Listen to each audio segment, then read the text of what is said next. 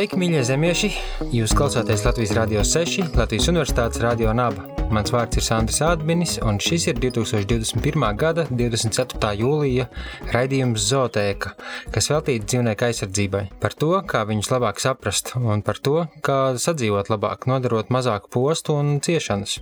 Šoreiz raidījuma tēma ir vasaras zooziņas, jo pēc neilgā vasaras pārtraukuma ir noticis gana daudz, lai man gribētos jums par to visu pastāstīt, gan par notikumiem, kas objektīvi skar milzīgu skaita dzīvnieku dzīves un labklājību, gan par ziņām saistībā ar atsevišķiem individiem, kas pievērsa neparasti lielu mēdīju un sabiedrības uzmanību.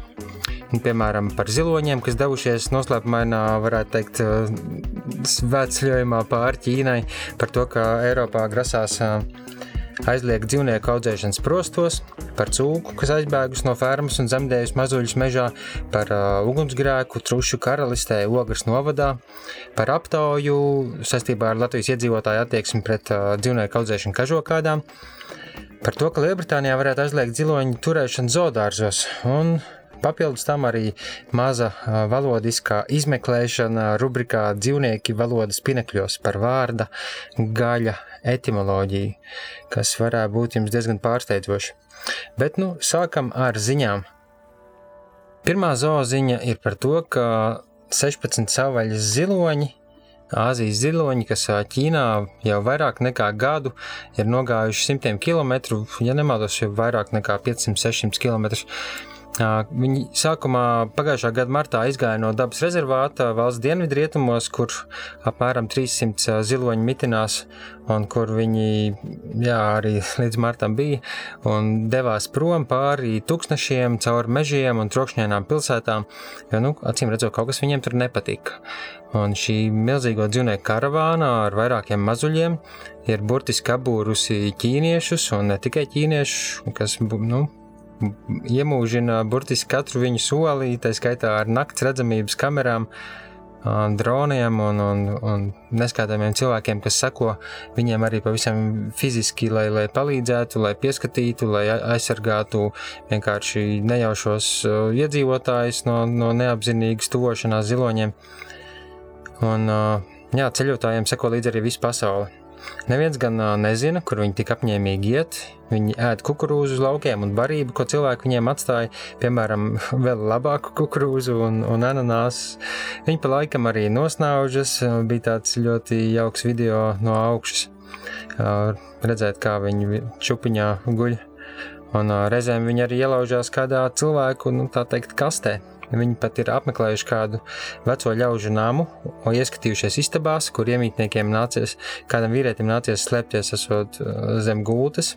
Rezultātā tikuši arī evakuēti tūkstošiem cilvēku un radīti zaudējumi apmēram miljonu eiro apmērā. Bet jā, kāpēc viņi iet tik tālu? Eksperti saka, ka ziloņi parasti dodas prom kad uh, viņu dzīvi iztraucē cilvēki, kad viņi zaudē savu dzīves vidi vai kad cenšas atrast uh, barību. Iznākšana no meža, lai pāriest uz lauka, nav nekas neparasts šiem ziloņiem, bet šī grupa gandrīz taisnā līnijā nogājusi nu, vairāk nekā 600 km.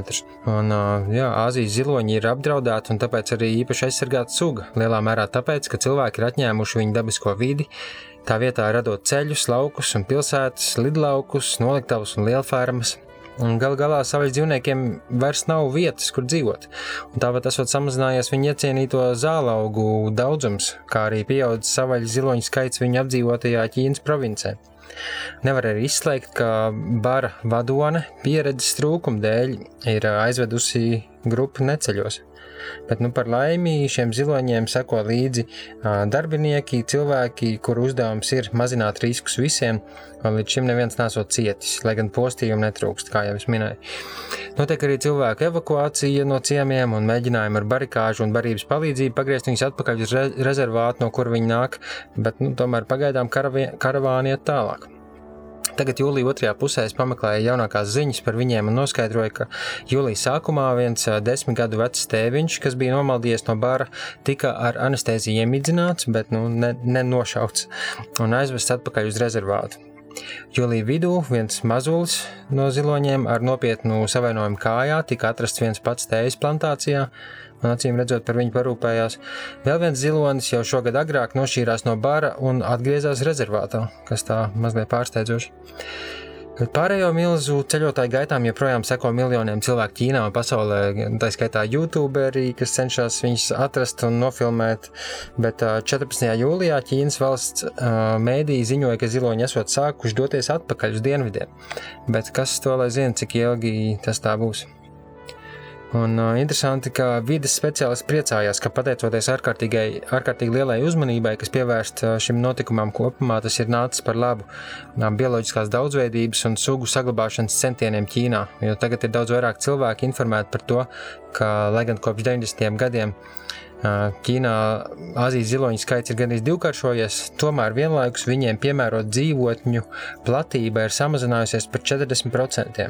Līdz ar to nu, Secinājums ir, ka straujā vietējās ekonomikas attīstīšana ir izraisījusi šo dramatisko savas platības samazināšanos, sadrumstalošanos, un iespējams arī tas ir bijis cēlonis ziloņu došanās prom no rezervāta. Bet nu, gan jau par viņiem vēl dzirdēsim. Tagad laiks muzikai, un šim raidījumam to ir sarūpējusi mākslinieca Katrīna Tračuma, ar kuru sarunājāmies vienā no iepriekšējiem raidījumiem par viņas dzīvniektiesību tēmām veltīto izstādi Beasts. Uh, to varat atrast LSM, arī Spotify, un starp citu Vimeo uh, lapā varat noskatīties video tādu kā virtuālo tūri no viņas izstādes, kur viņa pati stāsta par saviem darbiem, un es arī piedalos kā tāds dzīvnieku tēmu eksperts Un uh, viņas izvēlētā mūzika, to visu vieno tas, ka cilvēki, kas to ir radījuši, vai vismaz daļa no, no grupas dalībniekiem, ir diezgan skaidri pauduši savu atbalstu dzīvnieku aizstāvības idejām.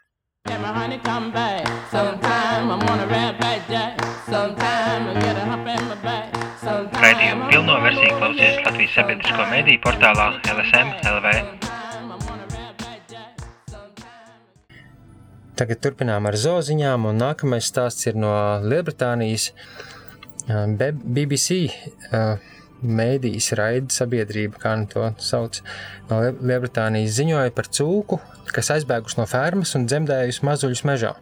Kāda sieviete vārdā Anna Estona, kas ved pastaigā suni, Pārsteigta ieraudzīja mežā cūku māti, kas zīdīja desmit mazus ro rozā sivēnus mežainā apvidū Nottinghamšīras apgabalā. Sieviete sazinājās ar vietējo dzīvnieku aizsardzības organizāciju Brentsley Animal Rescue, kas bija arī gatava palīdzēt cūkai. Un par Matildu iesauktajai cūku mammai degunā esot bijis ievērts metāla riņķis, nu, kas, kas liecina par to, ka viņa ir kaut kur turēta un droši vien bija paredzēts viņas vešanai pavadā Jo nu, deguns ļoti jūtīga vieta, un ja tur ir tāds riņķis, kas aiz striķa tiek vilks, tad cūka vienmēr ies visur tev līdzi, kur, kur tu viņu vilks. Tāpat ar, ar lāčiem dara lāču dancinātāji un tā tālāk. Bet, nu, savais vidē, protams, tas, tas vēl vairāk apgrūtina dzīvnieku dzīvi. Nu, tādā ziņā, ka barības atrašana apgrūtina, jo cūks to parasti dara ar šņukuru, rušinoties zemē. Bet nu, šī sieviete, kas pamanīja cūku ģimeni, esot mēdījiem teikusi, lai no kurienes šī, šī cūka nāk, viņai pienāks droša un laimīga dzīve kopā ar savu mazo ģimeni. Nu, desmit bērnu mazā ģimene. Labi, sauksim par mazo. Manuprāt, tagad viņa ir nopelnījusi savu brīvību. Un es, jā, starp citu, jūsmoju, ka šā, ar šādu citātu BBC šo ziņu bija nošērojusi Facebookā. Savukārt minētās labdarības organizācijas Brinsley Animal Rescue pārstāvis, varbūt vadītājs Džons Bersfords, gan bija piebildes, ka, lai rūkšus nogādātu uz drošāku, piemērotāku vidi, vispirms ir jāatrod šīs cūku mātes īpašnieks un jāsaņem atļauja, jo tas ir jā, viņa īpašums. Pretējā gadījumā to var uzskatīt par svešas mantas zakšanu. Viņš esot teicis, ka mēs ļoti ceram, ka cūkas īpašnieks ļaus Matildi un viņas sivēns nogādāt saudzētavā, kur viņi varēs mierīgi nodzīvot visu atlikušo dabisko mūžu. Vēl viena zooziņa pozitīva, bet jau daudz milzīgāka mēroga, tādā ziņā, ka tas skar neskaitāmi daudz vairāk dzīvniekus. To daudzos mēdījos sauc par vēsturisku uzvaru miljoniem dzīvnieku. Par to, ka Eiropā aizliegs dzīvnieku audzēšanas prostos. Eiropas komisija jūlijā tika lēmusi pozitīvi reaģēt uz 1,4 miljonu Eiropas iedzīvotāju parakstīto pilsoņu iniciatīvu Neturi būri jeb End the Cage Age par pārēju uz ētiskākām un ilgspējīgākām saimniekošanas sistēmām lop, lopkopībā, dzīvnieku audzēšanā. Eiropas komisija līdz ar to ir apņēmusies līdz 2023. gada beigām nākt klajā ar tiesību aktu priekšlikumu, kas paredz pakāpeniski, bet tomēr pilnībā atteikties no iniciatīvā minēto dzīvnieku turēšanas prostos, uh, un tie ir dējēji vistas, sivēnmātes un teļi, kā arī papildus uh, uh, kas dzīvnieks, kas minēta iniciatīvā truši, vaislas, dējēji putni, broileri, paipalas, pīles un zosis. Attiecībā uz šiem dzīvniekiem Eiropas komisija jau ir lūgusi Eiropas pārtikas nekaitīgumu iestādi papildināt esošo zinātniskos pierādījumus, lai noskaidrotu, kādi nosacījumi ir nepieciešami, lai aizliegtu sprostu izmantošanu. Dzīvnieku audzētāji saņems arī atbalstu un stimulus pārmaiņu veikšanai, lai atbilstu jaunajiem standartiem. Šis pavisam noteikti ir viens no ietekmīgākajiem dzīvnieku aizsardzības uzlabojumu signāliem mūsdienu pasaulē. Ziņa, ko ir noteikti vērts parādīt, pastāstīt vecākajām paudzēm, sakot, ka, nu, redz, vairs nebūs tik brutāli un nežēlīgi kā agrāk. Pasaule mainās, jo mēs to pieprasām. Mēs gribam redzēt labāku, mazāk nežēlīgu pasauli. Un sprostu, krātiņu, būru sistēmas intensīvajā lopkopībā, kur jau desmit gadiem ilgi tur visdažādākos putnus un zīdītājus, kas tomēr alkst brīvu kustēšanos un cieš no tā, ka šādas iespējas nav. Tā, diemžēl, ir kļuvusi jau par normalizētu ar likumu atļautu mocīšanu, kas atbilst pieņemtajiem standartiem, nu, atbilst uh, likuma burtam bet uh, standarti, kas attiecas uz nogalināšanu un ciešanām, taču nekad nepaliek pa vecam. Līdzcietīgā sabiedrībā šie jautājumi vienmēr tiek turēti uzmanības lokā, un cilvēcei progresējot, arī uzlabojumi attiecībā uz dzīvniekiem to apliecina. Protams, vēl ir tāls ceļš ejams līdz patiesi cieņpilnai attieksmei pret dzīvniekiem, jo, piemēram, šie grozījumi netiks attiecināti uz visiem aiz restēm turētiem dzīvniekiem, piemēram, miljoniem ūdeļu, kažokādu lielfermās, uz dzīvniekiem, ko tur cirkos un zooloģiskajos dārzos, aiz restēm būros dažādos sprostos, un visticamāk atteikšanās no būriem arī nenozīmēs, ka šie dzīvnieki varēs brīvi audzināt savus mazuļus, izpaust savu dabisko uzvedību un nodzīvot līdz vecumdienām kas nebeidzas priekšlaicīgi ar nāzi pie rīklas. Tas jau viss visticamāk turpināsies. Lai nu kā tas viss izskatās, kad mēs noņemam šīs tādas rozā brilles un palasām tekstu sīkajā drukā, šis tomēr absolūti ir ievērojams paziņojums, notikums, kas atgādina pasaules sabiedrībai, nu vismaz Eiropas sabiedrībai, ka mēs vairs nevaram ar dzīvniekiem izrīkoties kā līdz šim, un, un tas, protams, ir iemesls dzīvnieku aizstāvjiem saglabāt optimismu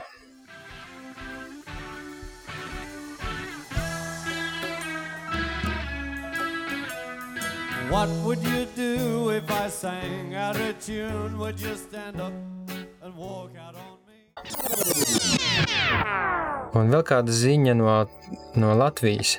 3. jūlijā ugunsgrēkā reliģiskās organizācijas Zilais Krusts veidotajā mini-zoodārzā Trušu karaliste, kas atrodas Ogres novadā, sadega vairāk nekā 200 truši, 23 cūkas, 11 kaķi, par ko nebija skaidrāks skaits minēts, un turklāt arī viena pūce, kas tur kādu iemeslu dēļ bijusi turēta.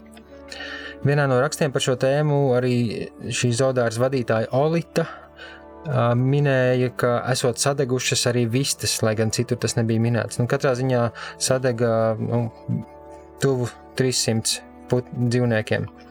Vis, vismaz, nu jā, vairāk nekā 200, tuvu 250.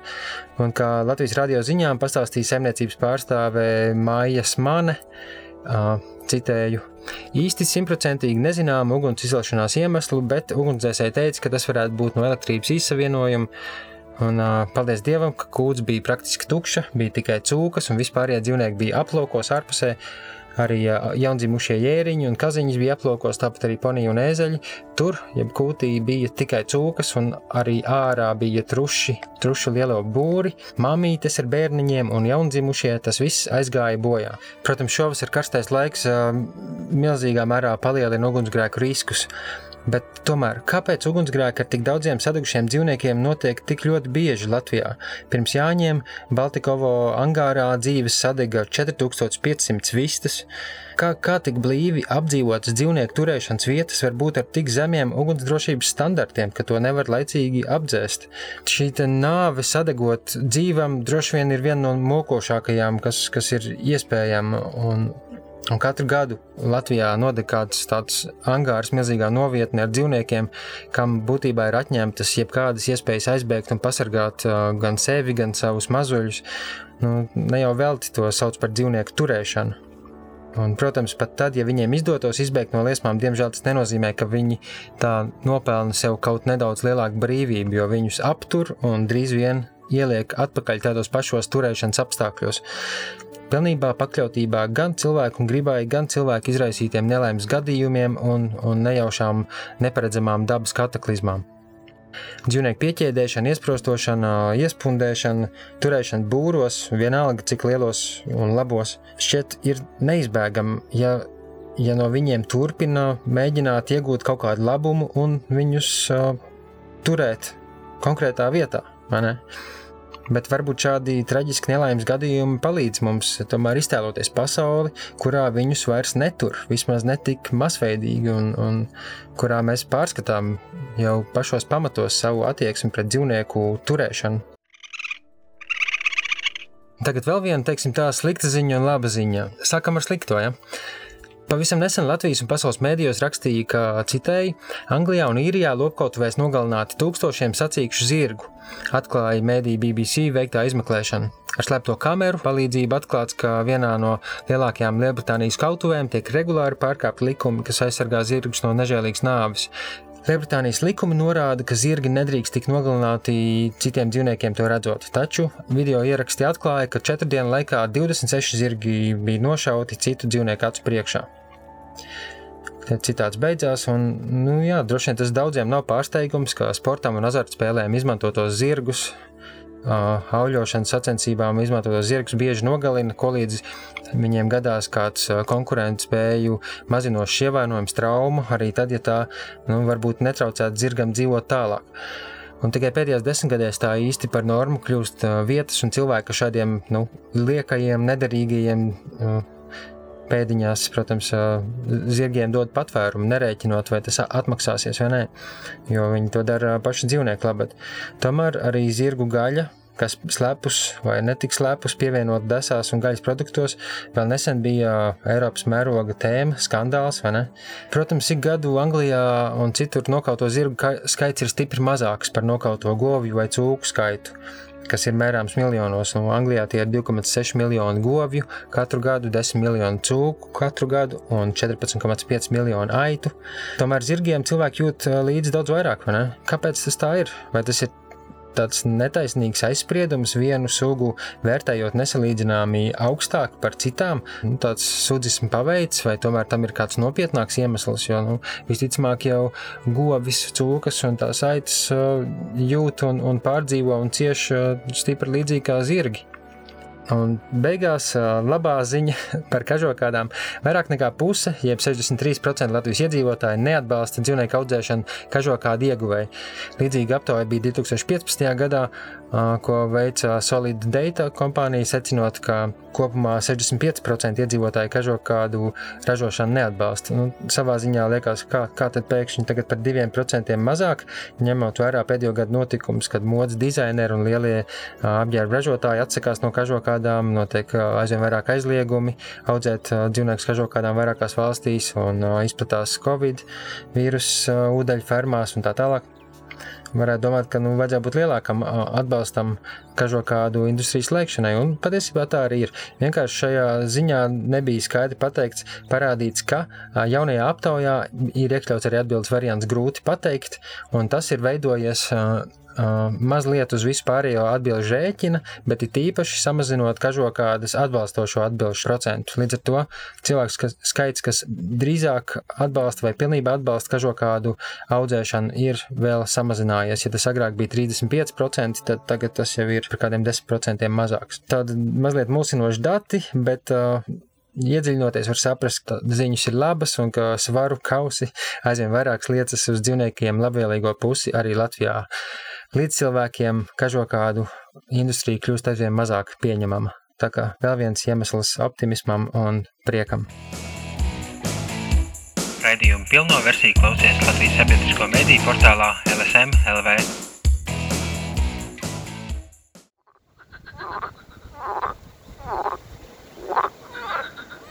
Un pat pēdējā zoziņā arī laba ziņa par to, ka Lielbritānija varētu aizliegt ziloņu turēšanu zoodārzos, ņemot vērā brīdinājumus par viņu veselības problēmām nebrīvē. Īpaši izveidota ziloņu labklājības darba grupa, kas ietilpst Britu un Īru zoodārzu un akvāriju asociācijā, pirms desmit gadiem tika uzdots izveidot pētījumos balstīts vadlīnijas zil, ziloņu aprūpes un labklājības uzlabošanai Lielbritānijā, un ziņojumi liecina, ka tas, tas šīs darba grupas ieteikums būs aizliegt ziloņu turēšanu nebrīvē, tā pieliekot punktu punktu septiņus gadsimtus ilgušai praksē. Tas lūk īsumā, par to vairāk varat lasīt zooteikas sociālajos tīklos un, un citur internetā. Vēl gribu pieminēt, ka jūnija beigās, pēc diezgan ilgas, mokošas izpētes, es uzrakstīju rakstu, savus novērojumus un pārdomas par tā saucamo mājas, istabas dzīvnieku, kaķu un suņu iemidzināšanu un eitanāziju, kas, manuprāt, nav viens tas pats. Pēdējos gados par laimi šis skaits ir strauji samazinājies, bet joprojām ir pamats domāt, ka liela daļa no iemidzinātiem dzīvniekiem patiesībā nav neārstējami slimi vai nelabojami agresīvi, un, un, un, un to cerams ar laiku mēs labosim. Par to lasiet manā satorija.lv rakstā adoptējuma dzīvnieku eitanāzija nav labā nāve, un priecāšos par jebkādām atsauksmēm un padošanu tālāk, un turpat satorija varat izlasīt arī citus manus rakstus. Starp citu, par citu lietu runājot, augustā kopā ar Riga Animal Save kolektīvu mēs plānojam arī šo to publisku sarīkot dzīvnieku aizsardzības sakarā. Un, ja vēlaties iesaistīties, droši meklējiet Facebook grupu Riga Animal Save sarunas, un tur arī par to parunāsim.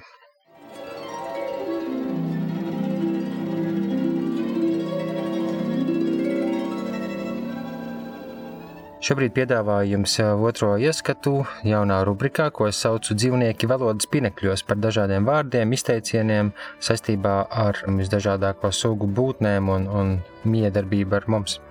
Un šoreiz zem palielināmā stikla vārds gaļa Izpētot visdažādākos avotus, visnoderīgākā šai ziņā izrādījās etimoloģijas vārnīca, kurā uzreiz teikts, ka vārda izcelsme nav pilnīgi noskaidrota. Iespējams, ka tas ir atvasinājums no darbības vārda galēt, ar nozīmi nāvēt, jeb durot nonāvēt, salīdzinoši cita skaņu mijas pakāpē dzelt, kas ir arī līdzīgs ar vārdu galēt no indoeiropiešu pirmvalodas vārda gela, jeb durt. Tā tad arī saistībā ar vārdu gals, kā sakot, gals klāt. Un senatnē šis vārds varētu būt nozīmējis nodurtais dzīvnieks, medījums, jeb ēdamie dzīvnieki audi. Tātad gals, nogalēt, durot, nonāvēt. Un vārda, vārds gaļa ir arī salīdzināms ar lietuviešu vārdiem galēti, kas nozīmē varēt, un galijā, kas nozīmē spēks var.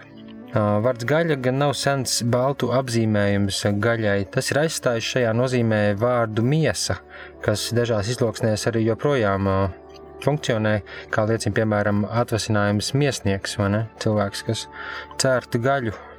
Pēc cita uzskata vārds gaļa saistāms ar krievu vārdu golī, jeb kails, un šajā skatījumā gaļa varētu būt kā kailie miesas audi.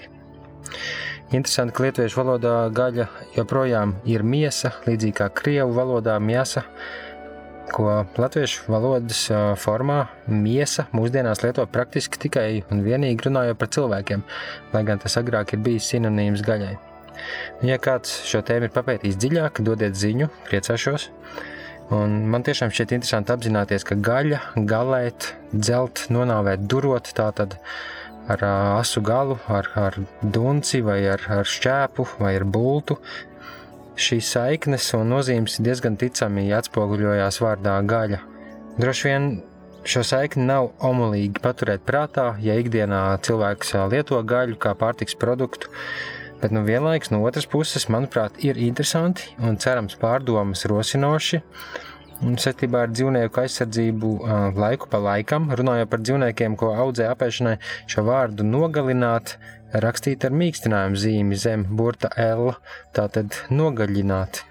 Varbūt tas rosina kādu mazliet savilkt kopā punktiņus, lai gan, protams, tas nav nekāds noslēpums. Tālūk, tāds bija mazs un varbūt dīvains ieskats manā projektā dzīvnieki valodas pinekļos, kuras pētu dažādus vārdus, apzīmējumus, izteicienus saistībā ar dzīvniekiem. Ja jūs interesē valodas veidošanās un lietojums par šo tēmu, manā YouTube kanālā varat atrast arī lekcijas video ierakstu ar tādu pašu nosaukumu dzīvnieki valodas pinekļos. Un vēl kāds citāts, ko es gribēju redzējumā iekļaut no ASV zinātnieces Greizes Hopperes, kas bija viena no ietekmīgākajām datorprogrammēšanas celmlauzēm, aizsācējām un programmatūras izstrādātājām. Un, un tā doma ir tāda. Visbīstamākais izteikums valodā ir mēs tā esam darījuši vienmēr, Viņi to visticamāk neteica par tēmām saistībā ar dzīvniekiem, bet drīzāk par jauno tehnoloģiju ieviešanu un izstrādi, nemitīgi turpinot, pilnveidot to, kā, to kas agrāk uh, ir bijis. Skatoties uz priekšu, un man tas, protams, uzreiz saistās ar, ar, pēd, ar pēdējo minēto zooziņu par to, ka pēc 700 gadu ilgas ziloņu turēšanas zooloģiskajos dārzos iespējams jau pavisam drīz tas vairs nenotiks. Lai gan nu, kāds varētu teikt, ka mēs tā esam darījuši vienmēr, Tā tad jāturpina.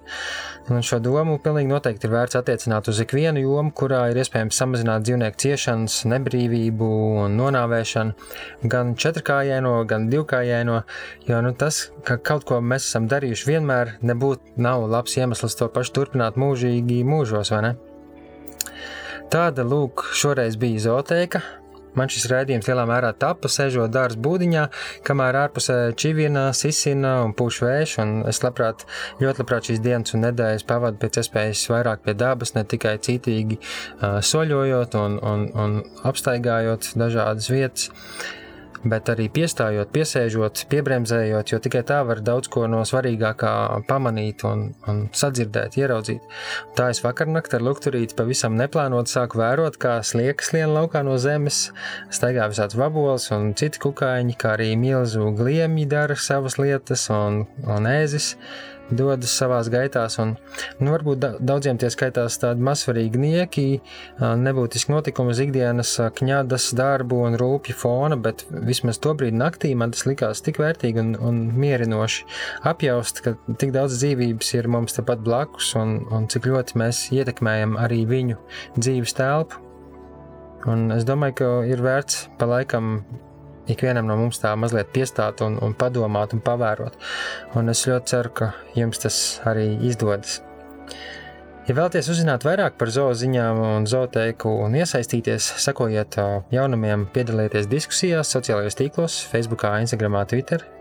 Viegli atradīsiet zooteiku.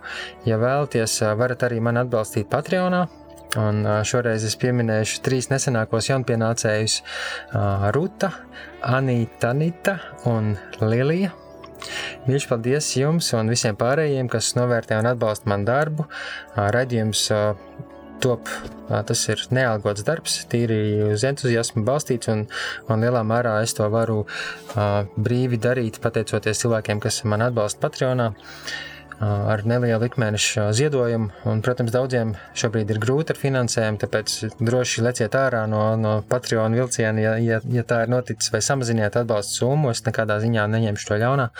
Bet, ja vēlaties un varat atbalstīt raidījumu tapšanu un pievienoties un atbalstīt citas lietas, ko es daru, kaut vai ar vienu eiro ziedojumu, meklējiet Patreon.com lapā manu vārdu Sandris Adminis, un tur arī atradīsiet visu pārējo info. Nākamās sestdienas pusdienu laikā klausieties redzējumu nezāle par vidi cilvēkā un cilvēku vidē, bet pēc divām nedēļām būs klāta jau nākamā zootēka. Bet, ja nevar nociesties, varat atrast iepriekšējos ierakstus LSM.CLV, Spotify, Apple podkāstus un arī citur. Saudzējiet paši sevi, saudzējiet arī viens otru un, un neaizmirstam arī pasaudzēt pārējos. Atā!